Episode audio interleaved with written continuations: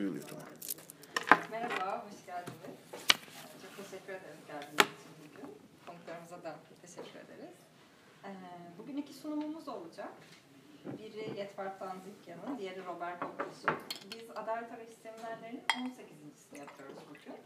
Ee, 2017 yılından beri yapıyoruz. Karakutu Derneği de 2014 yılında kuruldu. Ocak ayında 6. yılımız olacak. Ee, Adalet Arayış Seminerlerinde aslında biz dernek olarak toplumsal hafıza, geçmişle yüzleşme gibi konuları gençlerle birlikte çalışıyoruz. Temel olarak yaptığımız etkinlik hafıza yürüyüşleri. Bunların yanında e, adalet arayış seminerleri, başka etkinlikler de yapıyoruz. E, bu seminerlerde de aslında bizim dernek olarak çalıştığımız iki konu, toplumsal hafıza ve geçmişle yüzleşme. Başka hangi STK'lar, akademisyenler olabilir, yayıncılar olabilir, e, hangi gruplar bu konu üzerine çalışıyor ve birlikte ne yapabiliriz, nasıl sohbetler gerçekleştirebiliriz üzerine yaptığımız seminerler. Bugün 18.si dediğim gibi. İki konuğumuz var. Biri Yetvart Danzikyan, yeni dönemin azınlık medyası, Hafıza ve Agos isimli e, sunuşunu gerçekleştirecek bize. Yetvart Bey 69 İstanbul doğumlu. 94-98 yılları arasında iletişim yayınlarında editörlük yapmış kendisi.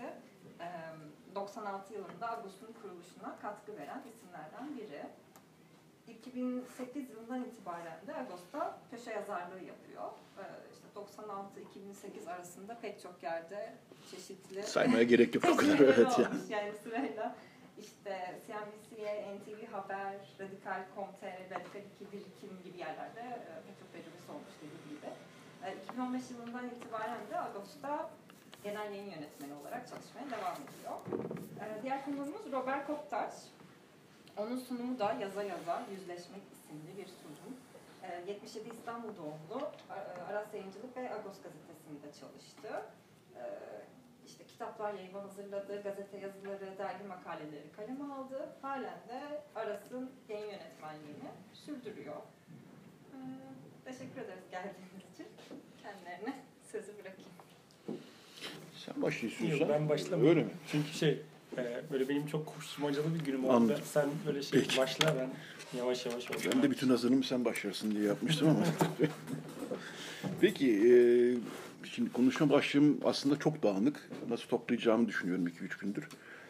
E, yani Kara Kutu'nun e, hafıza ve mekanlar üzerinde bir çalışmalar olduğunu da gayet iyi biliyorum. Şimdi Ermeni basın tarihiyle bunu bitiştirmek de tabii e, kolay değil yaşım itibariyle yani çünkü Ermeni basın tarihi 100 yıldan daha fazla bir süreden bahsediyoruz. Ben bunun çok kısa bir süresine tanık oldum. Bilmediklerimi tabii işte bakarak, sorarak, ederek e, tamamlamaya çalışıyorum ama yani e, er, yeni dönem Ermeni basın tarihi derken de aslında biraz ister istemez geriye gitmek gerekecek. Geriye gittiğimiz kadar da Ermeni basın tarihi bir kaybolursunuz içinde. Öyle kolay bir basın tarihinden bahsetmiyoruz.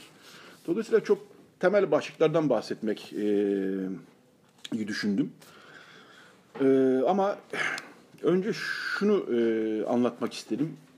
Daha doğrusu şundan bahsetmek istedim.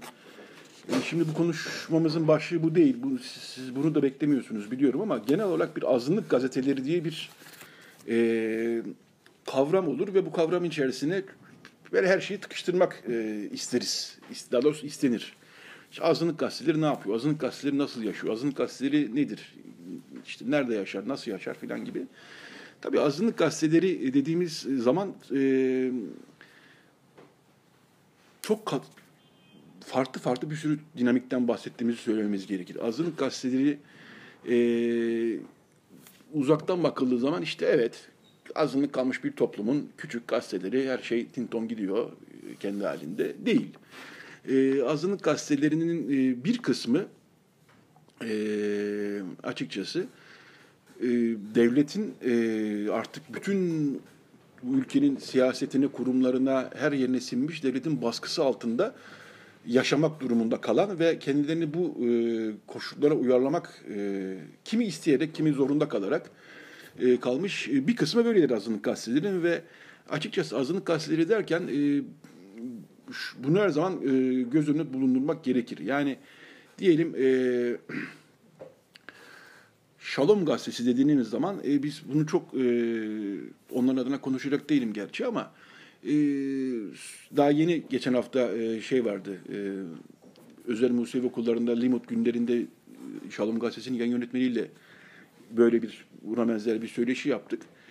Ee, İbo Moniz, ya biz haham başılığının gazetesiyiz ve haham başılığın politikasından dışarı çıkamayız genel olarak. Ve bizde çünkü Şalom'a biraz e, diyelim ki eleştiri de var, sita- e, serzeniş de var, sitem de var. Siz niye, biz bir de bir şey olduk e, Hrant'la beraber kurulmamızdan itibaren. Kötü örnek olduk birçok, yani ters anlamda söylüyorum bunu. Niye Agos gibi değilsiniz? Niye yani e, siz de bu kadar e, sert demeyeyim de muhalif durmuyorsunuz diye birçok gazete kendini şimdi okurları tarafından sorgulanır halde buldu. Ee, ya mesela İbo diyordu ki biz sahan başılığın gazetesiyiz. Yani bizim şeyimiz bu. Evet yani bir e, yönetim değişikliği yapılır, şu yapılır, bu yapılır ama bu durumda kalmak durumundayız e, söylüyor. Yani azınlık gazeteleri açıkçası genel olarak e, hepsi için söyleyemem ama bir, büyük bir kısmı devletle iyi geçinmek zorunda kalan, e, resmi görüşün dışına çok fazla çıkamayan, çıktığı zaman başına neler geleceğini bilen ve bunu göze alan ya da alamayan, büyük oranda almak istemeyen e, gazetelerdir ve e, bir kısmı da işte e, Agos ilk örnek değil. Bundan Agos'tan daha önce 1940'larda Noror gibi gazeteler var. E, bir kısmı da e, devletle yüz yüze gelmeyi, e, cepheleşmeyi göze alan, bunun da işte bedelini bir şekilde ödemeyi göze alan gazeteler diyebiliriz. Yani azınlık gazetelerini bir kendi içinde böyle bir gruplama hoş değil ama en azından böyle bir dinamikler, farklı dinamikler olduğunu söylemek lazım azınlık gazetelerinde. E, peki e, Agos'u buraya geldiğiniz göre üç aşağı beş yukarı biliyorsunuz genel yayın politikasını zaten. Peki bu e, az evvel bahsettiğim devletle iyi geçinmek zorunda kalan veyahut da devletle iyi geçinmek isteyen gazetelerin durumuna baktığımız zaman aslında e, bu gazeteler Ermeni basın için şimdi bunları söyleyebilirim. Bugün yakın dönemde Jamanak ve Marmara'dan bahsedebiliyoruz. Günlük Ermenice gazete olarak. Onun dışında 15 günlük e, daha çok magazin haberlerine ağırlık veren, şimdi patrik seçimiyle beraber biraz daha siyasete giren Louis 15 günlük gazete dergisi var. Paros e, aylık bir dergidir. Yine Ermeni cemaatine, Ermeni toplumuna daha doğrusu seslenmeyi amaçlayan seslenen de gerçekten ama e, sadece Ermeni toplumuyla sınırını tutmayan işte Rumlar, Yahudiler genel olarak azınlık toplumlarının kültür ve sanat gündemiyle daha çok ilgilenen bir e, Paros aylık dergimiz var. E, Jamanak ve Marmara'yı burada e, hani siyasi gazeteler oldukları için biraz e, bahsetmek e, icap eder. Jamanak ve Marmara tabii Ermenice olarak yayınladıkları için çok önemli bir iş yapıyorlar. Yani e, şimdi bütün bu azınlık e, Ermeni basınına dönecek olursak Ermeni basınının en temel problemi şu e, bir taraftan. Evet e, okunmak istiyoruz. Sözümüzün bütün Türkiye tarafından dinlenmesini istiyoruz. Bir taraftan da Ermeni dilinin yaşaması gerekiyor. E, çünkü Batı Ermenicesi hakikaten zor durumda olan bir dil. E, en önemli üç merkezinden bir tanesi yok olmuş durumda Halep. E, diğeri Beyrut ve İstanbul. E, yani Fransa, Amerika burada da Batı Ermenicesini konuşulduğu, e, bu dilde e, yayınlar olduğu yerler var ama merkez yani bütün oradaki yaşayan halkın Batı Ermenicesi konuştuğu dil anlamında e, Halep ve İstanbul'dan bilhassa bahsedilebilirdi. Halep'te artık ne yazık ki Ermeni nüfus savaştan önce İstanbul'daki Ermenilerden fazlayken şimdi epeyce bir azalmış vaziyette. Dolayısıyla e, Ermeni basının bir de böyle bir e, misyon demeyeyim de bir sorumluluğu da var aslında ve bu öyle iş olsun yani sorumluluk olarak da yapılan bir şey değil. Yani bu bizim hakikaten hayatımızın, varlığımızın bir anlamı. Ermenice dilini yaşatmak ve e, ilerletmek hatta ve hatta zorundayız. E, Agos bunu dört sayfalık bir Ermenice ek e, koyarak çözmeye çalıştı. E, ama Agos'un kuruluşundaki asıl e, maksat tabii ki o zamanki tartışmalarımızdan bahsedecek olursam 96'dan 95-96 yılından bahsediyorum. Yani Türkiye toplumuyla bir diyalog kurmak, Türkiye toplumuna seslenebilmek birinci sebebi Agos'un Türkçe olmasının. İkincisi de az evvel bahsettiğim konuda bağlantılı bir konu. Anadolu'dan İstanbul'a son büyük, büyük demeyeyim de kademe kademe olmuştur bu ama aşağı yukarı 70'lerde falan tamamlandı 1970'lerde. Artık 1970'lerden sonra 80'lerden sonra Anadolu'da çok fazla Ermeni kalmadı.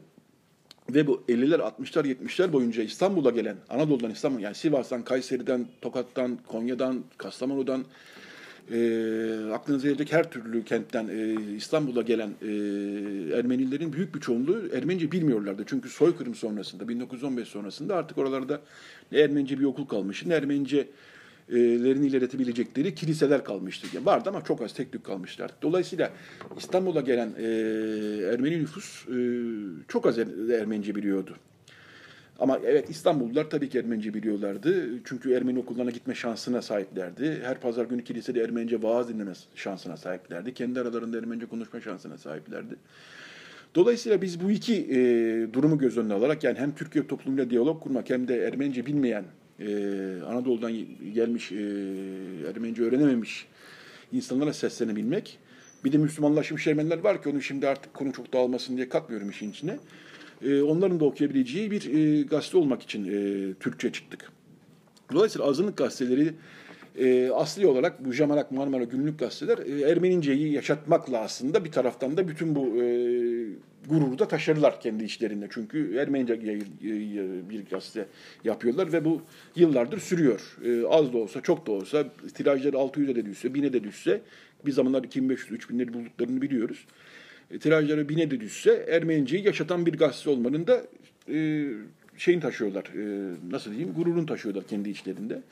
Fakat tabii siyasi pozisyon alamadıkları için, e, yani yayın çizgileri böyle olduğu için, e, kendilerine bir formüllerde bulurlar. Bu formülleri e, bilhassa Marmara Gazetesi bunu yapar. Cemalat Gazetesi bu toplara çok fazla girmez ama e, Marmara'nın şöyle bir e, yayın çizgisi, yakın dönem için söylüyorum. E, 40'lar, 50'ler, 60'lar bambaşkadır. Yakın dönem için söylüyorum. Bilhassa 1980 sonrası e, için söylüyorum.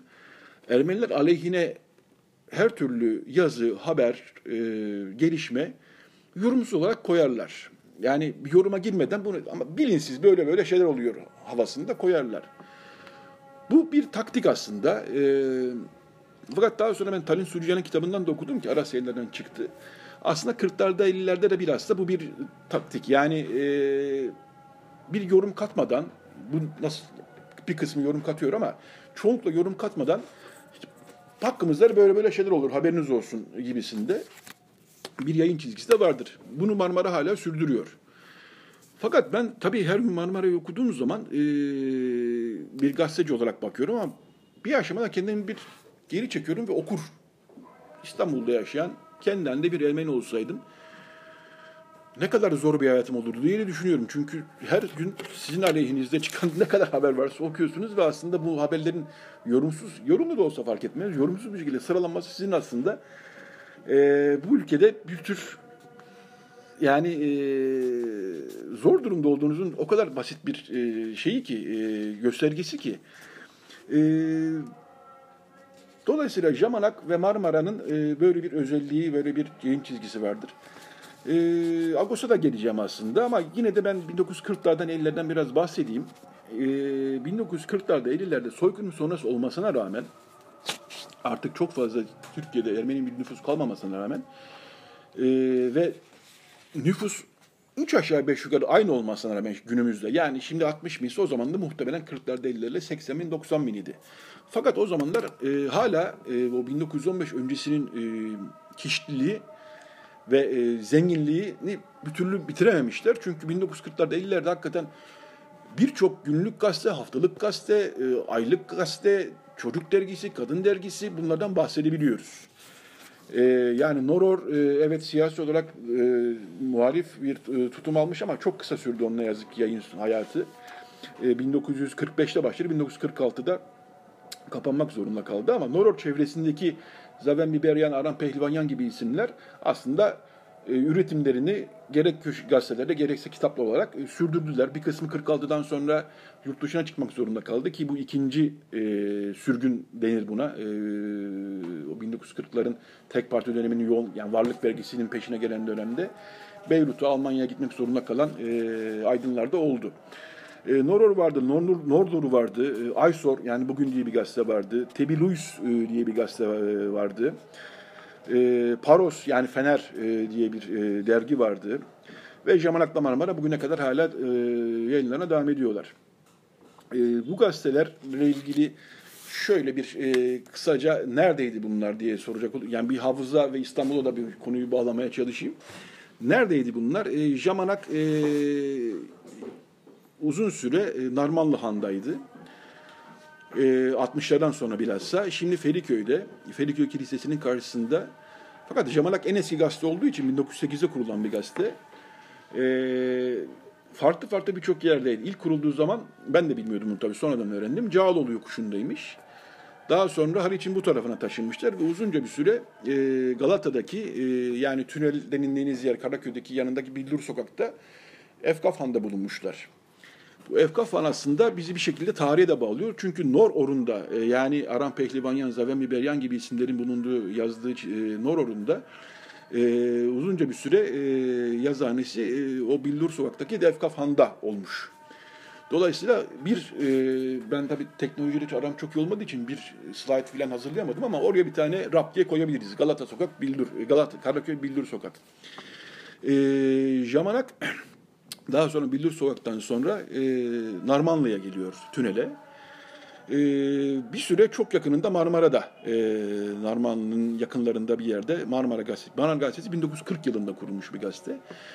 Ee, bir süre onlar da e, o yakınlarda bulunuyorlar. Marmara daha sonra Tokatlayan e, oteline geliyor. Şimdi o zaman Tokatlayan Hanı'na geliyor. İlk başta otel olan kurulan Tokatlayan'a geliyor. Tokatlayan'dan sonra şimdi günümüzde Tokatlayan'ın hemen arkasındaki bir binada e, faaliyetini sürdürüyor. Dolayısıyla artık böyle bir şeye geldik. İstanbul tarafından Karaköy, Beyoğlu tarafına geldik. E, dolayısıyla 1960'lar 50'ler 60'lar aşağı yukarı e, Ermeni basınının e, buralara toplaştığı yıllar.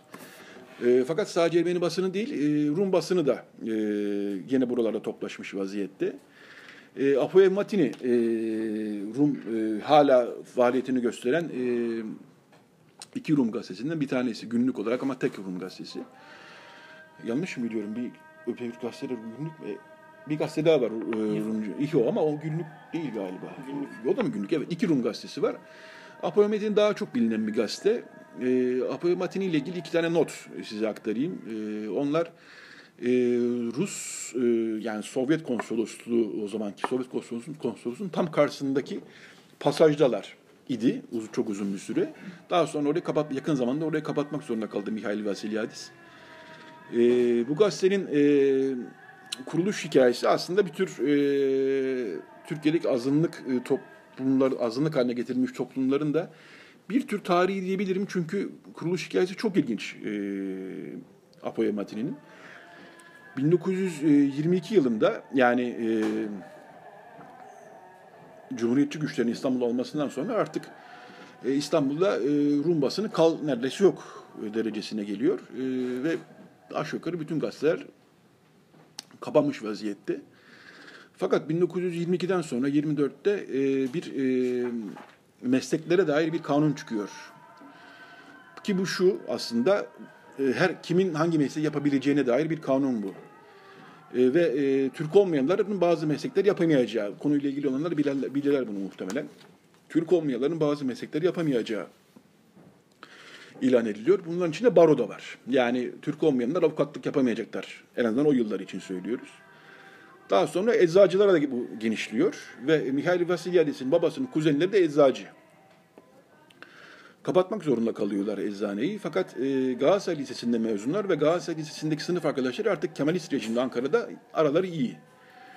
Ya biz ne yapacağız? Eczacımız nemizi de e, yapamaz hale geldik filan derken dur bakalım bir formül buluruz deniyor ve 1924 yılında e, bir Rum gazetesi aslında açılabilir diye bir yüksek yerlerde bir e, düşünce hasıl oluyor ve e, Galatasaray Lisesi'ndeki arkadaşları ya bizim sana bir borcumuz vardı biz sana iş bulacaktık aslında. Bak bir gazeteye izin çıkacak herhalde siz çıkarttın bu gazeteyi deniyor. E, Vasilyadis'in babasının kuzenleri de aslında eczacılar gazetecilik bilmiyorlar ve bu işten anlayan birisiyle anlaşıyorlar. E, ve gazetecilik yapmaya başlıyorlar. Fakat bunun daha da ilginç bir hikayesi var.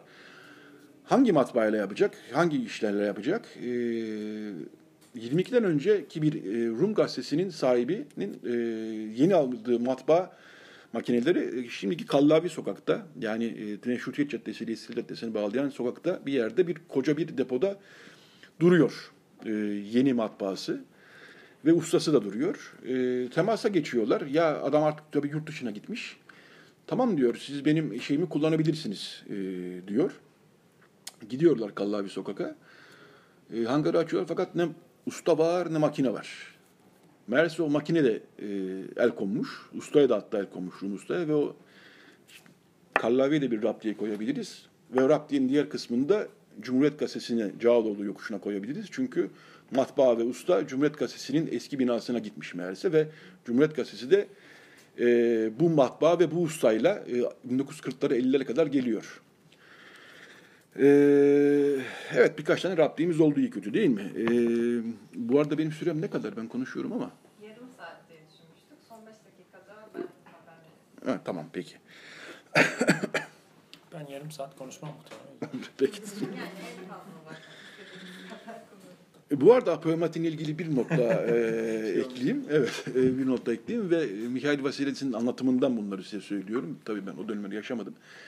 1924 yılında gazete kurulduktan sonra aslında en çok tiraj olan gazetelerden bir tanesi haline geliyor. Çünkü Rumca bu gazete fakat e, Yunanistan'dan ve Balkanlardan çok fazla sayıda muhacir e, dedikleri e, Türkler e, geliyorlar ve onlar e, şey bilmiyorlar.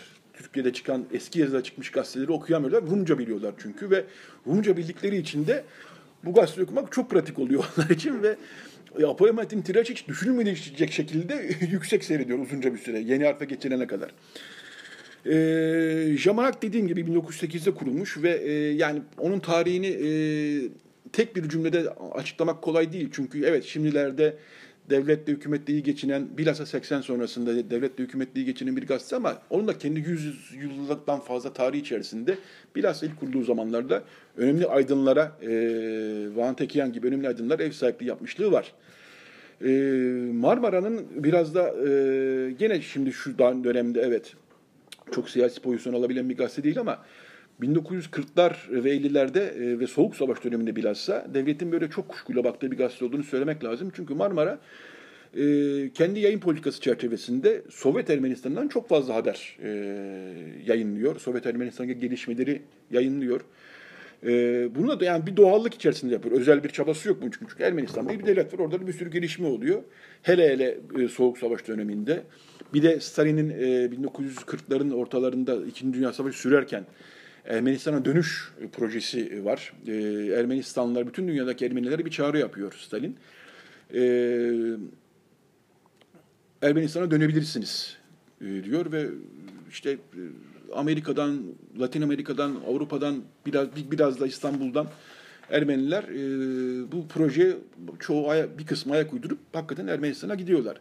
Sonu çok iyi bitmiyor bu hikayenin ama e, dönen Ermeniler açısından. Çünkü bir kısmı e, sonuçta e, rejim değişikliğini çok bir türlü ayak uyduramıyorlar ve Stalin döneminde biraz e, başka yerlere sürdükleri de vaki. E, ve bu e, tabii Stalin bir de bu dönemde e, ve e, Kars Ardahan'ı da gündeme getiriyor. Bu aslında bir politika. Yani İkinci Dünya Savaşı zamanında Türkiye'nin Almanya'ya yaklaşması ilk başlarda. Daha sonra Batı dünyasının içinde olması. Stalin bunu bir Türkiye karşı koz olarak kullanıyor. Yani Kars ve Ardahan'ı ve Boğazları. Bu atmosfer içerisinde Marmara'nın Sovyet Ermenistan'ından e, sürekli haber geçmesi, e, istihbarat servisinin ve e, basın umum müdürlüğünün e, dikkatini çekiyor ve bunlar niye sürekli buradan e, ajanlar mı ve birdenbire e, Ermeni basını kendisini siz beşinci kol musunuz? Sovyetlerin beşinci kolu musunuz? Suçlamaları altında buluyor. E, ve bu e, bir taraftan da ırkçı e, saldırılar yazı anlamında e, sürerken aslında 1940'lar ve 50'ler e, Ermeni basın için gayet zor geçen yıllar oluyor. Yani Noror evet kapatmak kapatılmak zorunda kalıyor ama diğer e, Marmara, Jamanak gibi gazeteler, Jamanak biraz daha kendini idare ediyor ama Marmara'nın da sıkıntılı bir dönem geçirdiğini söyleyebiliriz. Ee, Marmara ve Jamanak'tan sonra artık e, yavaş yavaş Agos'a gelebiliriz herhalde. E, Apoya de biraz bahsettik. E, Agos 96 yılında e, bir raptiyi de şimdi Dolapdere yokuşuna koyabiliriz. E, Dolap, yani önce evlerle konuşuldu bu tabii. Agos'un kurulması haftalık mı olsun, günlük mü olsun ben o zamanlarda yoktum. Artık kurulmaya karar verildiği aşamada bazı toplantılara katılmıştım. Ve e, o zamanlar Dolapdere yokuşundan aşağı inerken Pangaltı'dan sağda bir tane han vardır. O hanın küçücük bir odası. İlk başta ofis olarak tutulmuştu. İşte masasını kuruculardan Louis Bakar evinden getirmişti bir yemek masası. 4-5 tane sandalye, iki tane eski e, Macintosh bilgisayar e, ve bir hakikaten küçücük bir odaydı orası. E, orada 3-4 ay durduk. Yani prova baskıları orada yapmaya çalıştık. Toplantılar orada oldu. Ne yapalım, ne edelim? İsim konusu daha belirsizdi. İsim konusunu orada tartışmaya başladık. Agos sonra ortaya çıktı. İlk başta uzunca bir süre ne yapalım, ne yapalım, ne yapalım. Herkesin aklına çok basit bir şey geliyordu. İşte parev, işte Ermence merhaba, selam gibi bir şey.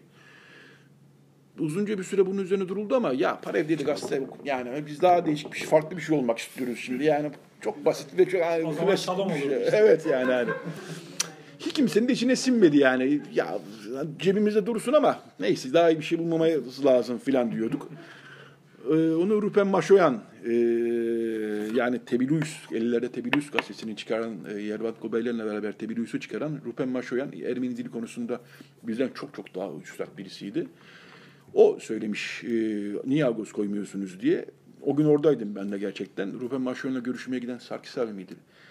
Ya Agos dedi Rupen, benim de çok aklıma yattı dedi. Bilmeyenler belki vardır. Agos e, o toprakta tohum ekmek için açılan arktır. Oraya tohum ekersiniz ve tohum e, yeşerir, büyür. Niye Agos koymuyorsunuz? E, hepimizin aklına yattı. Evet ya hakikaten çok bilinmeyen bir şey. Ben şahsen mesela bilmiyordum. E, Agos ismini işte orada bulduk aşağı yukarı. Orada 2-3 ay kaldık. Ondan sonra e, Saksı Sokak. Yani e, Osman Bey'le Pangaltı'yı bağlayan küçücük bir nalburların bulunduğu bir sokaktır orası. Saksı Sokak'ın Osman Bey Bakan tarafında. E, teras katta bir yere taşındık. E, ilk sayı orada çıktı. E, 96 yılında Nisan. Kocada bir terası vardı. E, bir Rabbi'yi de oraya koyabiliriz. E, iki büyük odadan bahsediyoruz ve kocada bir terastan bahsediyoruz. Orada hakikaten e, iyi zamanlarımız oldu. İlk sayıyı hakikaten orada gördük. Orada heyecanlandık. E, orada çarşamba geceleri işte Hrant ben Ümit maç yaptık kağıt toplarla gibi gibi. E, uzunca bir süre burada e, faaliyet gösterdi Agos. E, daha sonra e, 2001-2002 yıllarında olması lazım. Hemen caddenin karşı tarafında Sebat Apartmanı'na taşındı. Sebat Apartmanı'nın hikayesini herhalde hepiniz biliyorsunuzdur. Yani Hrant'ın ne yazık ki önünde öldürüldüğü, bir cinayete kurban gittiği apartman Sebat Apartmanı. Ee, önce daha yukarıdaydı, daha sonra aşağı indi. Yani bir hemen bir yerden yukarı çıkıldığı yere e, geldi. Sebat Apartmanı'yla şimdi oraya bir raptiye zaten koyacağız da raptiyenin bir tarafını da emek sinemasına götürebiliriz. Arada şöyle bir bağlantı var çünkü. Sebat Apartmanı'nı inşa eden hem mimar hem mühendis e, 30'lara 40'larda inşa eden kişi ile e, emek sinemasını e, inşa eden kişi aynı kişi. E, Rafael Algoediş diye bir e, Yahudi e, mimar mühendis. iki iş o zaman beraber yapılıyor. Ve bu Rafael Algoediş 12 sinemasını ve Sebat Apartmanı'nı yaptıktan sonra başka eserleri de var tabii. E, varlık vergisi e, çıkıyor ve varlık vergisinde e, Taksim'de şimdi AKP'nin AKM'nin olduğu yerdeki apartmanını satmak zorunda kalıyor. Dolayısıyla e, yani Sebat Apartmanı'nı, Emek Sineması'nı ve e, o e, Rafael Algoyadiş'i bağlayan bir bağdağı aslında e, bulmuş olduk biz kendimize. Fakat Emek Sineması tabii e, hikayesi burada kalmadı. Emek Sineması varlık vergisi zamanında bütün o Circle Dorian kompleksiyle beraber e, belediyeye satılmak zorunda kaldı. E, çünkü vergiyi veremeyeceklerdi. Belediye satıldıktan sonra da e, emek sineması oldu biliyorsunuz. Emek sineması daha sonra işte e, bütün o blok e, yakın zamanda da bambaşka bir aile geldi ve emek sineması yukarı çıkmış oldu. Dolayısıyla, emek sineması aslında e, bütün bu hikayenin içerisinde bize de bir rapliye koyacağımız bir yer aslında. E,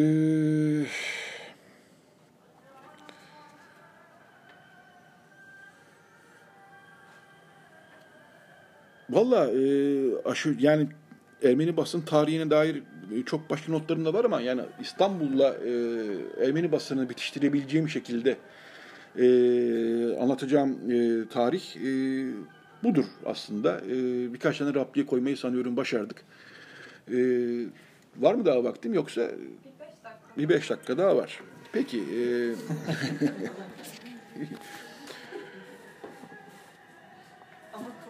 kullanmak Yo hayır e, birkaç not daha aktarmak istiyorum. E, Ermeni basını derken tabii e, yakın dönem muğlak bir kavram. Yakın döneme belki kulis dergisini de koyabiliriz. Tiyatro e, dergisiydi kulis dergisi. Hagop Ayvaz tarafından yayınlandı ve 1946 ile 1996 yılları arasında e, aylık olarak yayınlamış bir e, yani tiyatro derken e, sahne sanatı dergisi demek daha doğru olur. Çünkü çoğu zaman kapağına e, aktrisleri de koydu. Sadece tiyatroyla ilgilenmedi. Çoğu zaman kapağına e, Ermeni aydınlarını da koydu. İşte Balyan ailesini kapak yaptı, Gomiras'ı kapak yaptı. E, ama yurt dışındaki e, Ermeni sanat yönetmenleri, sinema yönetmenlerine kapak yaptı. E, uzunca bir süre hakikaten e, yayında bulunmuş ve şöyle bir özelliği var. E, hiç ara vermeden en uzun soluklu tiyatro dergisi e, unvanını hala elinde bulunduran bir dergi kulis. E, 96 yılda dediğim gibi e, yayın hayatına son verdi ama e, şu an hala e, kulis arşivi kıymetli bir arşiv. E, işte insanlar arıyorlar, ediyorlar. E, Ermeni basın tarihi tabii gazetelerden ve aylık dergilerden ibaret değil. E, onu da e, not düşeyim. E, kurumsal dergiler ve yayınlar da var. E, Surtbük Ermeni Hastanesi'nin dergisi bilhassa 60'lara 70'lerde e, yoğun e, doyurucu için, yani tıp dergisiydi aslında o ama Ermeniceydi. E, faaliyet göstermiştir. E, Patrikhane'nin Şoagat Işık Damlası dediğimiz dergisi e, faaliyet göstermiştir. Bunlar aslında e, her sayılarında bir konuyu e, odaklarına alan e, ve dosyalar hazırlayan dergilerdi. E, Şoagat dergisinin mesela e, Karaköy'deki yani bizim nereye denk düşüyor işte tramvay yolunun kenarında bir kilise vardır. Sol tarafında Karaköy'e giderken. E, ha, bu tarafta evet. E, Krikolde Savuruç Kilisesi. O kilisenin yıkılması ve yeniden yapılması e, döneminde o sırf o kiliseye adanmış şöyle koca bir sayısı vardır ki hem kilisenin tarihi hem açılış günü e, ne dair çok zengin bir sayıdır ve oraya da bir aslında e, Rabbiye daha koyabiliriz çünkü e, kilise aslında geleneksel Ermeni kilisesine benzeyen tek Ermeni kilisesidir. Çünkü Ermeni kiliseleri aslında e, cami gibi kubbeli olmazlar. Çoğu şimdi e, bir kısmı öyledir ama aslında Ermeni kiliseleri bir büyük külah bir de küçük külah şeklinde olurlar. Geleneksel Ermeni kiliseleri böyledir. Yani bütün Anadolu'ya, Ermenistan'a, bütün o coğrafyaya gittiğiniz zaman Ermeni kiliselerinin böyle olduğunu görürsünüz. Ermeni mimarisinin getirdiği bir e, geleneksel tarzdır bu. E, büyük külah, e, büyük Ağrı Dağı'nı küçük külah da küçük Ağrı temsil eder. Dolayısıyla aslında 60'larda yapılmış ama e, en son yapılan fakat geleneksel Ermeni tarzı, Ermeni kilisesi tarzına en çok uyan kilise o kilisedir. E, yıkılıp yeniden yapılmış bir kilisedir bu arada. Yeniden yapılırken böyle olmuş oldu. Dolayısıyla oraya da bir e, raptiye koyabiliriz. E, bunun dışında e, Türkiye Ermeni Öğretmenler Vakfı'nın çıkardığı bir jibit, çocuklara yönelik bir jibit dergisi var. E, bir de şöyle bir, yani çok zengin bir yayın faaliyetinden bahsediyoruz. E, mezunlar dernekleri de e, bilhassa 40'lardan 50'lerden sonra yayın hayatına atıldılar. Daha çok edebiyat ağırlıklı dergiler çıkarmaya başladılar. Pangaltı Lisesi'nden geçenler derneğinin San diye bir dergisi vardı. E, Getunaganki diğer önemli, e, aslında en önemli Ermeni okulu diyebiliriz. E, o da çok yakın. Şu, o kilisenin hemen yanında, bahsettiğim kilisenin hemen yanında da Getunagan okulu vardır. Getunagan da e, bir e, aylık ya da 2-3 aylık dergiler dergi çıkarmaya başladı. Bunlar 1940'larda ve 50'lerde yayın faaliyetlerine bulundular. Daha sonra bir süre ara verdiler. Daha sonra tekrar Pangaltı Ermeni Lisesi'nin Yetişenler Derneği Norsan çıkardı. E, Getunagan da tekrar e, yayın faaliyetine başladı ama artık e, bu bu tür yayınlar ne yazık ki çok azalmış vaziyette. E, ba- bazen e, yani e, Norsan'ı falan çok zor bulabiliyoruz. Şuagat da artık yayınlanmıyor neredeyse. Bu tip yayınlar artık yani teknolojinin gelişmesiyle de biraz yayın faaliyetlerine bir anlamda son vermek zorunda kaldılar. Evet, vallahi benim çıkardığım notlar bu kadar diyebilirim. Teşekkürler dinlediğiniz için.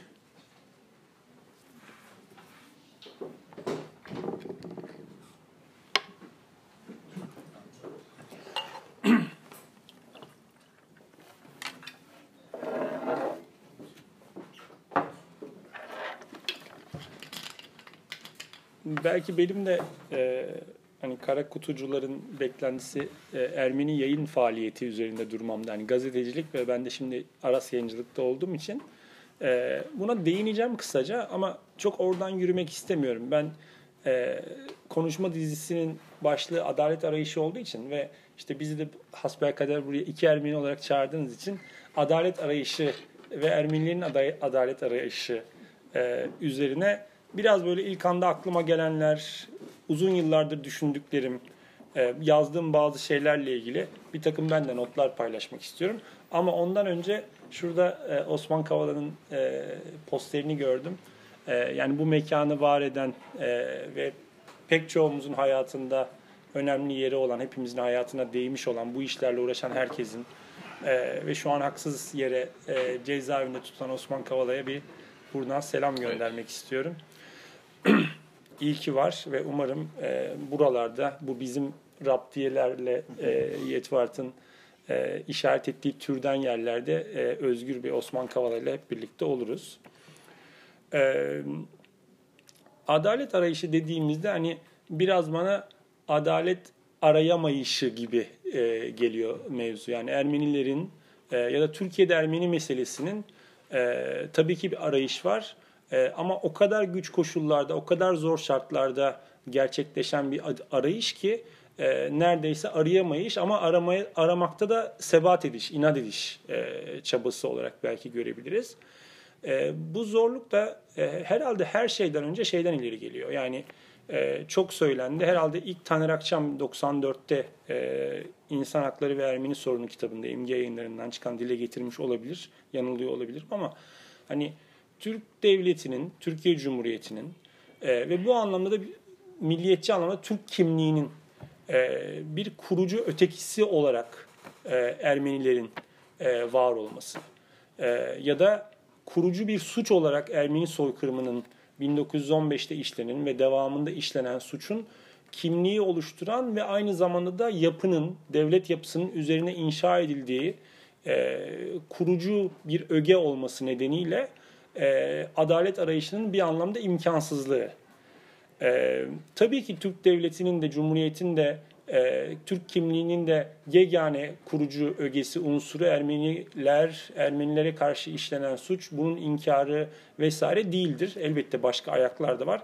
Ama herhalde e, işte malı, mülkü, insan canı, kültürü ve bunun yok edilmesi ve daha sonra da bunun inkarı üzerine yükselen, oluşturulan kimliğin e, bunun önemli ayaklarından biri olduğunu e, herhalde buradaki herkes hemfikirdir. Neyse ki sadece bu kadar değiliz. Biraz daha hemfikir olanlar var. E, çoğunluk böyle düşünmese de. Ben hani özellikle yani Ağustos'tan önce Aras yayıncılıkta çalışırken tabii ki bu işlerle uğraşıyordum ve işte ben 19 yaşından beri yayıncılık yapıyorum diyebilirim. Ben 18 yaşındayken yaklaşık 19 yaşındayken Agos çıkmaya başladı ve bu iki kurumda e, bu adalet arayışının e, parçası oldular ve benim de işte yetişkinliğe doğru giderken yetişkin bir Türkiye'li Ermeni olurken hayatımın e, önemli e, unsurları oldular.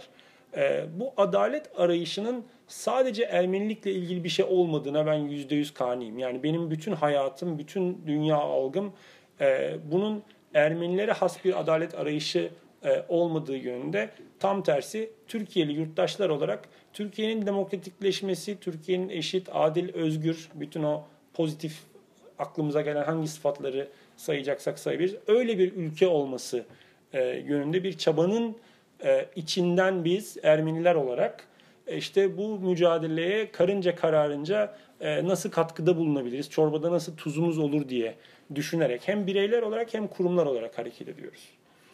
İşte ben de hasbelkader yine e, işte bu iki kurumda da bulundum. E, Aras'tayken bu işlerle uğraştım ama Ağustos'ta tabii daha çok insanla temas etme şansım oldu. Yani işte e, işte ne bileyim gazete daha çok dolaşan e, bir mecra. E, televizyonlara çıktık, e, üniversitelerden çağrıldık, e, bilinir olduk, takip edilir olduk vesaire. E, ben bunu e, bu konular üzerine beni düşünmeye zorlayan, e, bir anlamda tembellikten alıkoyan, boş vermekten de alıkoyan, aynı zamanda yine beni şekillendiren ve aynı zamanda da tırnak içinde Türklerle e, temas etme imkanı sağlayarak onlara muradımı anlatmayı anlatmak konusunda beni tecrübelendiren, derinleştiren bir şey olarak yaşadım. E, ve orada en zor yerlerde yani diyelim ki e, muhafazakar bir kentin e, muhafazakarların çoğunlukta olduğu bir üniversite bölümünün bir odasında veya işte daha milliyetçilerin yaşadığı bir yerin bir ortam bir, bir ortamda e, soykırım dediğimiz zaman dediğim zaman e, herkesin buna bir tavır geliştirdiğini yani buna buna karşı bir e, savunmacı bir tavır geliştirdiğini gördüm. Bu zaten bildiğimiz bir şey.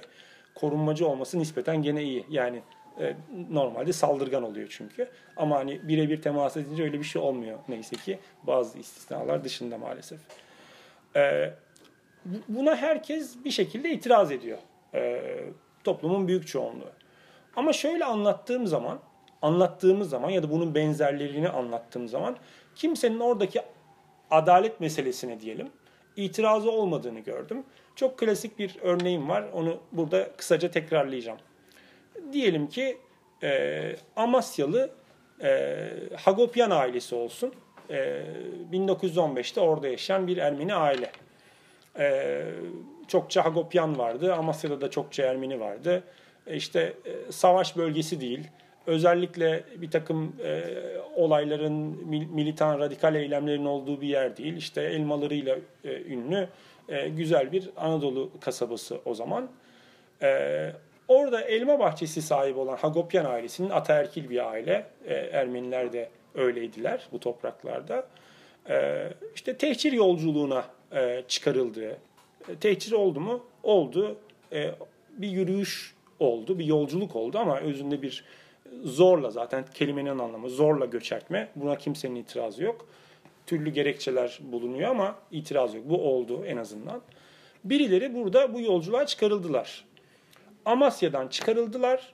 Günler süren e, bir yolculuk ve yürüyüş sonucunda da e, işte Halep, Suriye, Derzor e, bölgesine nakledildiler. Buna da kimsenin itirazı yok. Bu yolda, e, bu yolculukta birileri öldü. Buna pek itiraz yok. E, birilerinin başına kötü şeyler geldi. Hiç itiraz yok. Kimileri hastalandı. Yok. E, kimileri tecavüze uğradı. Yani bazıları bunu ilk kez duymuş olabiliyor ama yani olabilir diye gözleri kesiyor. Ne, ne bileyim eşkıyalar saldırdı. Resmi söylemde bile var. En azından o şekilde bunların olabildiğini biliyorlar vesaire. Pek çok insan yetim kaldı. Kimsenin itirazı yok. İşte bu insanların bir kısmı Suriye'ye gittikten sonra da açlıktan, e, işte doğal koşullardan, çöl koşullarından vesaire açıkta kalmaktan dolayı öldüler. Gene kimsenin itirazı yok. İşte yetim kalanlar e, Amerikalı veya başka ülkelerden çoğunlukla tarafsız ülkelerin o dönem Birinci Dünya Savaşı'nda kurduğu e, yetimhanelerde, misyonerlerin kurduğu yetimhanelerde koruma altına alındılar. Yok. Hatta bir kısmı işte Talat Paşa'nın kurduğu yetimhanelerde koruma altın, altına alındılar vesaire. Yok. Sonra savaş bitti, şu oldu, bu oldu. İşte Suriye, e, Türkiye'den Osmanlı Devleti'ne o zaman ayrıldı. Türkiye Cumhuriyeti kuruldu. E, o yetim çocuklar hala oradalar. E, ama işte Orta Doğu'nun karışık siyasi koşullarında e, bunlar dünyanın çoğunlukla işte Halep'te, Beyrut'ta nüfus kaldı ama e, çoğunlukla dünyanın türlü yerlerine dağıldılar. Yani bugün bizim diaspora dediğimiz topluluğun biraz da öcü gibi e, gösterilen topluluğun önemli bir kesimi bu, bu, bu olayın sonucunda, bu tür göçlerin sonucunda, bu hareketin sonucunda e, oluştu. Ve işte Amerika'da varlar, Fransa'da varlar, türlü türlü ülkelerde varlar. Mesela Arjantin'de, Brezilya'da da varlar. O, derece, Avustralya'da varlar, her yerde varlar. Burada da kimsenin itirazı yok. Ee, şey soruyorum yani e, özellikle de biraz dediğim gibi muhafazakar daha dindar bir e, izleyici topluluğu varsa sizce diyorum bu Hagopyan ailesinin işte dördüncü kuşak, üçüncü kuşak torunu olan e, mesela ne olsun Octavio Hagopyan çünkü Arjantin'de yaşıyordu Brezilya'da adları genelde böyle oluyor. Octavio Hagopyan'ın e, şu an Buenos Aires'te e, Amasya'daki ailesinin terk etmek zorunda olduğu topraklarda diyelim ki bahçe olsun, elma bahçesi olsun. Bu topraklarda o bahçe üzerindeki o bahçe var. Üzerine belki TOKİ bina yapmıştır. Bir sürü şey olmuştur. Ama o bahçenin alanı var, arazisi var. Octavio'nun bu Amasya'daki elma bahçesi üzerinde hakkı var mı sizce yok mu ee, diye soruyorum. Buna da kimse itiraz etmiyor. Hiç itiraz edene rastlamadım. Hiç rastlamadım yani. Gerçekten hiç rastlamadım ve e, genelde derin bir sessizlik oluyor. Sonra tabii ki yok diyorlar. Tabii ki var diyorlar. Bilinçaltım bana ne söyletiyor. Ee, işte İslami yönden açıklayan oluyor, işte kul hakkı diyen oluyor, başka bir şey ol, diyen oluyor, medeni hukuk üzerinden açıklıyorlar. Var yani, hakkı var. Ee, peki Octavio'nun e, Octavio nereden çıktı ya? Octavio'nun e, bu toprak üzerinde, bu bahçe, toprak demek de biraz şey işte, bahçe diyorum. Bahçe üzerindeki hakkını talep etmesi önünde sizce bir engel var mı? Burada biraz itiraz diyenler olabilir ama o şey kafa karışan. Ya işte zaman aşımı falan filan. Hayır diyorum bırakın onları yani insani olarak, vicdani olarak hakkı var mı yok mu? Bir şey talep edebilir mi? Edebilmeli mi? En azından adalet arayışına girebilmeli mi diyelim şimdi. E, buna itiraz gelmiyor. İşte diyorum ki Ermeni meselesi bu. Yani bu. Birileri öldü. E, burada da bir hak var. Yani insan hakkı, can kaybı, can hakkı, yaşama hakkı, Değil mi? Yaşam hakkı diye bir hukuki kavram var. Yaşama hakkı. İtiraz yok. Ee, işte mal mülk meselesi zaten dünyanın etrafında döndüğü temel mesele. Ona kimsenin itirazı yok. E adam orada yaşıyor ama orada bahçesi var. Belki belki özlüyordur yani. Belki gelmek istiyordur ama gelemiyordur. İşte burada vatandaşlık hakkını kaybetti. Yani bu olay olmasaydı vatandaş olarak burada yaşamaya devam edecekti. Belki de Amasya'da olacaktı hatta. Ee, Tamam bunu daha fazla uzatmayayım çünkü siz biliyorsunuz mesela. Ee, işte adalet arayışı bunun üzerine inşa ediliyor ve baktığım zaman hani nasıl aranıyor bu adalet? Ee, biraz ayrıştırabiliyoruz sanırım. Yani Türkiye'de nasıl aranıyor? Ee, dünyada nasıl aranıyor? Yani Türkiye'deki Ermeniler o adaleti nasıl arıyorlar? Dünyadakiler nasıl arıyorlar? Burada da işte Türkiye diaspora farklılığı giriyor. Bir de belki Ermenistan diyebiliriz ama Ermenistan'ın şu ana kadar böyle çok da ciddi bir talebi talep olmadı yani. Hani Sovyet zamanında zaten Sovyetler politikası gereği öyle bir hak talebi yoktu. Adalet arayışı yoktu. E, ee, 65'e kadar soykırım bile anılmıyordu e, Ermenistan'da. E, Moskova'dan izin çıktıktan sonra da Türkiye ile ilişkilere bağlı olarak e, verilmiş bir hak oldu. E, bugün de hala işte sınır açılsın vesaireden başka çok çok da bir şeyi yok Ermenistan'ın ama diasporanın var. Çünkü diaspora temelde e, işte o Octavio'lardan oluşuyor. Octavio belki biraz daha ılımandır. Belki Ermeni kimliğinden kopmuştur ama herkes öyle değil. Los Angeles'ta falan biraz daha bu anlamda e, daha e, sıkı kimliğiyle bu arayışı yoğun bir şekilde yoğurmuş insanlar, gruplar, hareketler, gruplar, partiler, eylemciler vesaireler var. Onlar bu arayışı bir şekilde sürdürüyorlar. Ama adalet kim nasıl aranır? Yani adalet kimden istenir? E, herhalde önce şu. Yani adaleti verebilecek kadar adaleti vermek niyetinde olan nötr en azından bir bir, bir, bir, bir birim o bir şey olmalı yani bir birim olmalı. Ee, bu Türkiye'de yok çünkü zaten bütün her şeyi bunun inkarı üzerine ve bunun üzerine kurulmuş. Yani bu zaten eşyanın tabiatına aykırı. Burada bu mümkün değil e, şekilsel olarak arayabilirsiniz. İşte mahkemeye başvurursunuz vesaire ama hani bir sonuç olur mu? Başvurunun kendisi ya da sürecin kendisi önemli ama bir sonuç olmayacağını biliyorsunuz. Dünyada olabilir bir takım mahkemeler vesaireler. İşte türlü yollar aranıyor ama genelde de hani dünya siyasetinde Türkiye öyle bir şey ki sanki böyle Abdülhamit'ten ve belki hatta ondan daha öncesinden biri hep böyle kutuplar arasında ortada bir o tarafa yaklaşıp bir bu tarafa yaklaşıp bir diplomasi e, kaba bir diplomasi becerisini yetiştirmiş ve hani çok da oralardan da bir şey çıkmıyor. E, işte meclislerden, parlamentolardan, kongrelerden, senatolardan bir takım kararlar çıkararak kendi yaşadıkları ülkenin en azından kendi mağduru oldukları e, olayı tanımasını, inkar etmemesini ve Türkiye'yi bunun üzerinden sıkıştırmasını talep ediyorlar. Benim burada ama İstanbul'da Türkiye'li bir Ermeni olarak çok tasvip ettiğim bir şey değil. Ama bir taraftan da anlıyorum. Yani e, Amerika'da doğmuş olsaydım ben de ülkemin Ermeni soykırımını tanımasını muhtemelen isteyebilirdim. Şeye bakardım belki eğer şimdiki şimdiki kadar akıllı olsaydım hani bunun nasıl bir etkisi var, faydası mı var, zararı mı var aslında Türklerle Ermenilerin barışmasına diye bakabilirdim belki. Öyle bakan insanlar var ama çoğunluk öyle bakmıyorlar. Yaşadıkları ülkenin onu tanımasını istiyorlar. Bence son derece hakları dediğim gibi katılmasam da hak olarak görüyorum.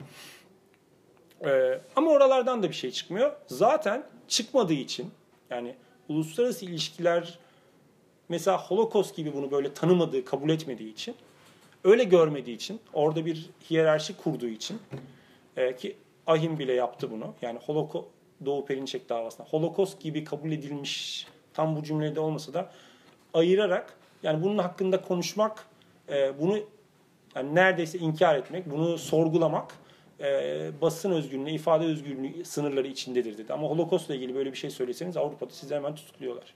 Dolayısıyla bir fark var onların gözünde.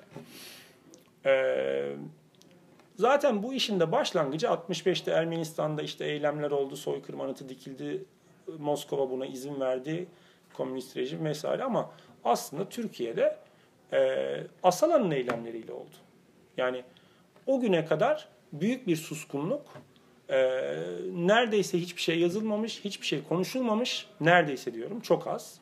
İşte Nazım Hikmet Bakkal Garabet'in dizelerini upuzun destanlar içerisinde dört dize ya da beş dize e, yazmıştı. İşte e, yani var bir takım romanlarda vesairelerde var ama e, Türk romanında Ermeni soykırımı e, araştırma şu kadar oluyor. Yani bu kadar 100 100 sayfa Yani falan anca üç, oluyor da. Üç tane filan kitap diyebiliriz belki. İşte Yani. Kemal Tahir'in Büyük Mal romanı. Pardon.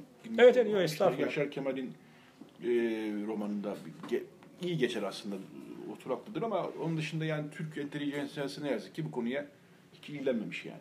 Evet. Yani yok. Yani unutulmuş mesele. Herkesin de söylediği. işte Hasan Cemal'le röportaj yapmıştım. Ertuğrul Kürçül'le yapmıştım. Onlardan bunları yani nasıl fark ettiniz? Yani Türkiye'li bugün aydın, fikir adamı, yazmış, çizmiş insanlar. Ya nasıl nasıl nasıl fark ettiniz? Çünkü şeyde hiç sorun yok. Komşularımız vardı, onlar vardı falan hepimizin vardı. Ama bu meseleyi nasıl fark ettiniz? İşte Asala. Asala, Asala. Gerçekten ilginç bir şekilde bu şiddet eylemi, cinayet, suikastler, diplomatlara yönelik şeyler Türkiye'de böyle bir şey yaratıyor ve bence bir talihsizlik yani Ermenilerin adalet arayışı anlamında talihsizlik.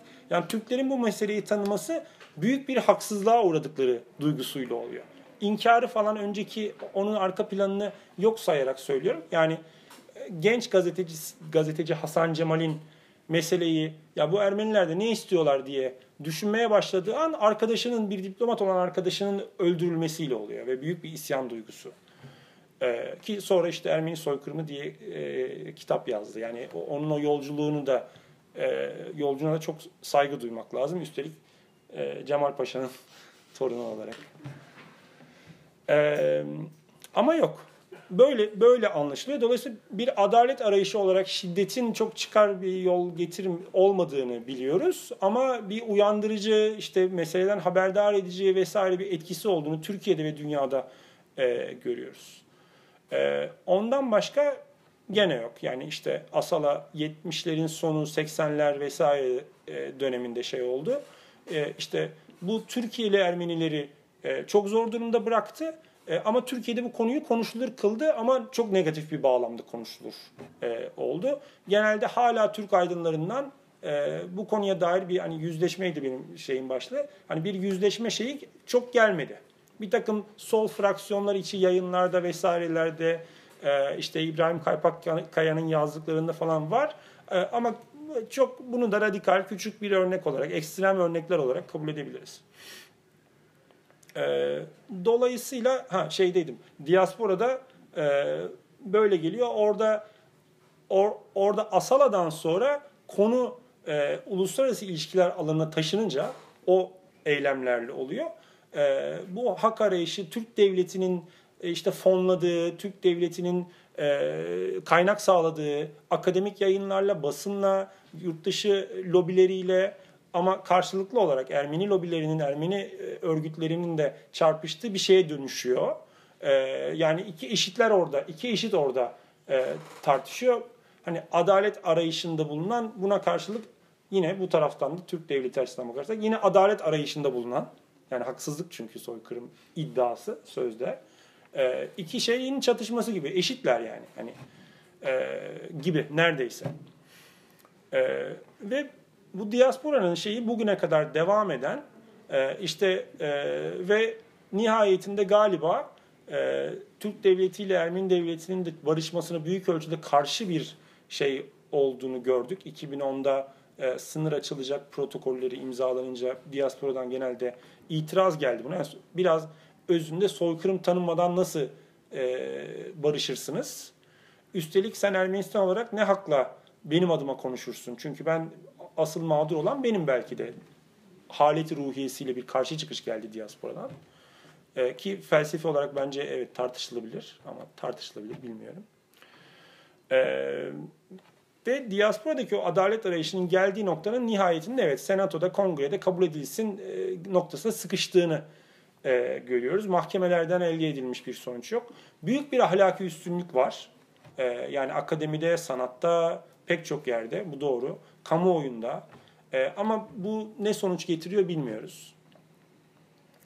Türkiye'deki Ermenilerin adalet arayışı açısından baktığımızda da e, birkaç şey. Yani e, neredeyse aslında başlangıç itibariyle bir şey yok. Yani Türkiye Ermenileri 1920'lerde e, Cumhuriyet dönemiyle Türkiye'de kalmayı kabul eden Ermeniler e, en temel adalet arayışları aman başımıza bir şey gelmesin olabiliyor. Yani aman Ermeni olduğumuz için işte 8 sene önce ne kadar yakın bir tarih 8 sene önce olan 10 sene önce olan şeyler tekrarlanmasın, başımıza gelmesin.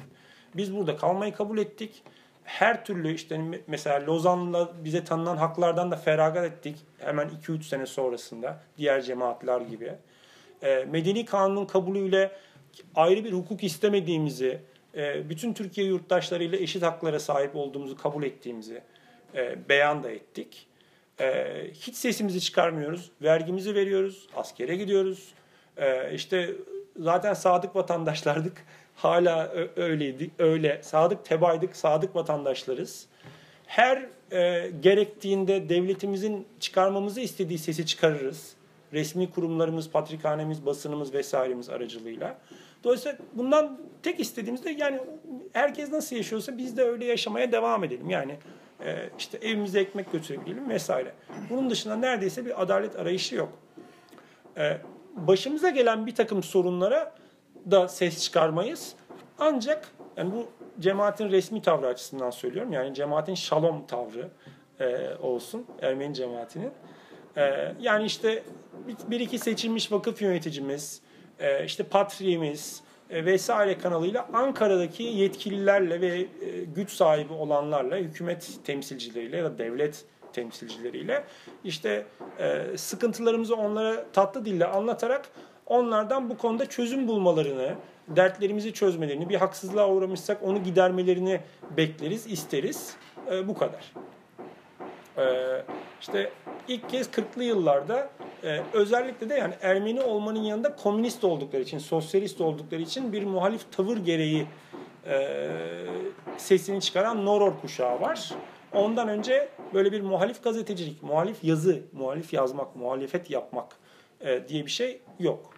E, ve onlara da gerçekten Hrant Dink'e davranıldığı kadar sert, sert davranılmasa işte tabutluklardan, işkencelerden e, geçerek, sürgünü tadarak e, buralardan geçebiliyorlar. Yani bir senelik bir gazetecilik macerası bütün hayatlarını şekillendirmiş oluyor. Büyük baskılarla darma duman edilerek e, susturuluyorlar.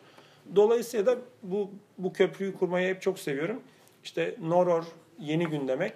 E, 45'te kuruluyor. 46'da işte 13 ay falan bir yayın süresi var. Ee, diğer sol yayınlarla, Türkçe e, sol yayınlarla birlikte sıkı yönetim mahkemesi tarafından kabul ediliyor. Halbuki 45'te kurulmasının sebebi de hani e, işte NATO'ya üye olacağız, e, savaş ilan ettik Almanya'ya savaştan biterken. Hani Türkiye'de bir demokrasi ve çok partili rejime geçilecek şeyiyle kurulmuştu, izin verilmişti. Ama sonra gene devlet hemen kapatıyor. Yervant Gobelyan, Rupen Maşuyan gibi insanların da gençken içinde oldukları o basın hareketi 96'da Agos'un kuruluşunda aynı insan, o iki insan en azından evet. oradan oraya artık yaşlanmış büyük abiler, e, şey bilen adamlar e, olarak e, Agos'un kuruluşunda da harçları var, emekleri var. E, Ağustos'a kadar gene neredeyse ses yok. Yani işte Marmara Camanan hikayesini e, Yeto anlattı. Bir Carakayt diye de küçük bir şey var. 50'lerde biraz daha 50'lerde var. biraz, Çünkü e, işte Agos iyi- Sivaslıyan böyle bir kendince bir çıkış yapıyor ama etkili olamıyor. Y- biraz. yine biraz 50'lerde şey e, o göreli özgürlük ortamı işte Menderes'in ilk yarısı, ilk dönemi gibi orada da evet biraz şeyler var ama işte aşağı yukarı 40-50 yıl arası bir süreç sonra Agos'la e, başka bir e, ses çıkabiliyor ilk defa. E, 80'leri Asala vesaire diye anlattık. 90'larda şöyle görüyorum yani bildiğim e, işte aslında biraz içinde de oldum. 95'te Aras'ta çalışmaya başladığıma göre e, en azından izleyebildiğim e, dönem. Yani Türkiye'nin e, Sovyet blokunun yıkılmasından sonra aa o kadar konuştum mu? Ay. Vallahi korkulur yapmam yani. E, Sovyet blokunun yıkılmasından sonra Türkiye'nin biraz böyle e, ne hangi kanada gideceğini, ne yapacağını bilemediği bir dönem. Avrupa Birliği üyeliğinin daha ciddiye bindiği, Kopenhag kriterlerinin işte Türkiye bir anlamda dayatıldığı, üye olmak istiyorsan demokratikleşmelisin. Kürt hareketinin yükseldiği, e, buna karşılık o Asala sonrası dönemin tepkiselliğiyle Ermeni adının işte hakaret, küfür e, olarak e, anıldığı ve herhalde işte Agos'un kuruluşunda da önemli bir motivasyon. Yani her gün gazetelerde bizde küfrediliyor. Ee, yani evet bu bir de Karabağ Savaşı sonrası bir dönem olduğu için daha da artık yani Ermeni toplumu biz çok sıkıştığımızı yani Karabağ yüzünden üstümüze geliniyor. Asala işi daha bir tam gitmemiş aslında. Ben kesmeyeyim seni. Yo yo. Ee, ama Karabağ Savaşı da çok zorlamıştır ee, Türkiye'deki Ermeni toplumu. Yani zorlamasını istediler daha doğrusu milliyetçi ve de çevreler ve devlet işlerine geldi onu. 30 saniye alıyorum. İmamoğlu şey tartışması gibi. Ee, şey e, yani bu- hakaret küfür e, ortamında kendimizi anlatmalıyız. Anlatmazsak bu iş kötüye gidecek. O yüzden Türkçe çıkalım. Ee, o yüzden hem geçmişten hem bugünden dertlerimizden vesairelerden bahsedelim. Ee, inkar edilen geçmişimizi buna soykırım da dahil ama soykırım hiç kullanılmadı neredeyse. Yani hiç kullanılmadı Hrant Dink öldürülene kadar Ağustos'ta. Ee, olaydan hep bahsedildi, olanlardan hep bahsedildi ama soykırım denmedi. Ee, olanlardan ama sadece ona da sınırlı. Geçmişimizi anlatalım. Dolayısıyla buradaki varlığımızı e, anlatabilelim. Bu toprakların ortak kültürüne e, bulunduğumuz katkıları işte mimariden sanata, tiyatrodan her şeye e, anlatabilelim. E, işte Dolmabahçe Sarayı'nı Balyanlar değil de Balliniler yapıl, yaptığı, inşa etti diyordu rehberler. Bunları tersine çevirelim. En azından entelektüel bir gruba bunu anlatabilelim e, çabası çabasıydı. Yani burada bir hak arayışı olarak, yöntemi olarak yazı aslında. Yazmak, anlatmak yani. E, konuşmak, yazıyla konuşmak. Gazete, kitap. Aras da aynı dönemin ürünü. Aras 3 sene önce. Kuruluşunda yine Hrant Dink de var başkalarının yanında. E, Agos 3 sene sonra 93-96. Bu ortamda bana şey gibi geliyor. Yani e, olabilecek en naif şekilde ve ama diyalog naifçe işleyebilecek bir şeydir. Yani demokrasi öyle bir şeydir. Yani bir iyimserlikle yani anlatırız, konuşuruz, bir yerlerde anlaşırız. Bir şeyleri ya da değiştirebiliriz gibi bir hümanist e, bir e, inançla, motivasyonla yola çıkıp biz bu büyük derdi e, işte o üzerine beton bir şeyin kurulduğu inkar ve üzerine kurulan şeyi e, sarsabiliriz gibi bir şey. Burada ikili bir şey var. Bence devleti o anlamda sarsamayacaklarını e, biliyorlardı ya da şöyle bir umutları vardı. Yani toplumla temas edersek, toplumu anlatırsak orada yaratabileceğimiz küçük değişiklikler zamanla filizlenir ve bu betonda bir takım çatlaklar oluşturabiliriz en azından. Dolayısıyla toplum devleti değiştirir gibi bir yine son derece demokrat e, bir inançla e, hareket edildi ve bu da aslında baktığımız zaman e, büyük etki yarattı. Yani büyük diyorum hani toplumun büyük çoğunluğu değişti anlamında değil ama etkisi gerçekten büyük oldu. Maalesef en büyük etki de Hrant Dink'in aramızdan alınış şekli ve sonrasında onun hala bu topluma konuşuyor olması. Yani öldürülüş şeklinden dolayı ve tabii ki yapıp ettiklerinden dolayı toplumda konuşabiliyor, konuşabilen bir e, Ermeni olmasından dolayı, Ermeni aydın olmasından dolayı. Ee, öyle bağlayayım. Yani baktığım zaman Taner Akçam'la başlayan, belge yayınlarıyla devam eden, sonra bence Agos'un, Aras'ın yayınladıklarıyla bunlardan etkilenen ve daha çok da dünyaya bakan, başka diller bilen akademisyenlerin, gazetecilerin, e, bir dar da olsa bir entelektüel çevrenin gördükleri, okudukları e, Türkçe'de ve başka dillerde bunlardan etkilenerek bir e, küçük kamuoyu, küçük bir ortam yaratmaları tartışmaya dönük. Bu çok zaman sert bir şeyle karşılandı Türkiye'de. Zor oldu yani. İşte Hrant Dink öldürüldü, Bilgi Üniversitesi'ndeki konferans yasaklandı. Orhan Pamuk, Elif Şafak e, yargılandılar vesaire vesaire. E, bu sert mücadeleyi, zor mücadeleyi vererek bir alan kazanmalarını e, kazanmalarıyla bir adalet arayışı ve bir yüzleşme arayışı. Bu sefer Türkler yüzleştiler. E, en azından bir grup Türk. Mümkün oldu. Buna da devlet devlet değil, memleketin hali izin verdi. Yani çünkü bir açılma dönemiydi. İşte AKP'nin ilk dönemi, e, Avrupa Birliği vesaire, medya, e, televizyonlarda bu konunun konuşuluyor olması özellikle bence çok çok etkili e, oldu. E, farklı görüşler yine e, eşitmiş gibi tartışılıyor olsa da. E, ama memleket daraldığında, sıkıştığında, kapandığında yani siyasi ortam kapandığında son işte bilmiyorum kaç sene. Gezi'den önce de başlamıştı. Hani 2011'den, 2013'ten, 14'ten olsun, 2015'ten olsun, 16'dan olsun. Her sene bir şey olmuş. Evet. Yani şey, e, memleket sıkıştığı zaman bu konuyu konuşmak imkansızlaşıyor. Bu konu tamamen gündemin en alt sıralarına düşüyor ve Agos olsun, Aras olsun, işte kim olursa olsun ve hangi cesaretle ve cesametle e, bunu konuşuyor olsun e, çok fazla etki yaratmadığını e, görüyoruz. O anlamda ben biraz şeyim yani umutlu olduğum bir şeyler var ama biraz umutsuzum çünkü meseleyi biraz daha fazla insanlara anlatmak derdi o derdimiz oldu hep. Yani o kitleyi biraz genişletmek, değe değe, birbirine değe değe, dalga dalga yayılır gibi. Biz şimdi sanki ulaşamıyoruz da çünkü devlet mekanizması da sürekli tersini ürettiği için e, o çok güçlü. Ona karşı biz çok güçsüzüz ama yine de bir etkimiz var. Şimdi daha ziyade işte biz bize durduğumuz yerde biraz daha bilgimizi derinleştirerek e, var olabiliyoruz. Bu da kıymetsiz değil. En azından bir şeyi belki bir alanı korumak da kıymetli. Ama hani e, biraz gitmiyor ama memlekette zaten ne gidiyor ki? Yani e, deyip susayım.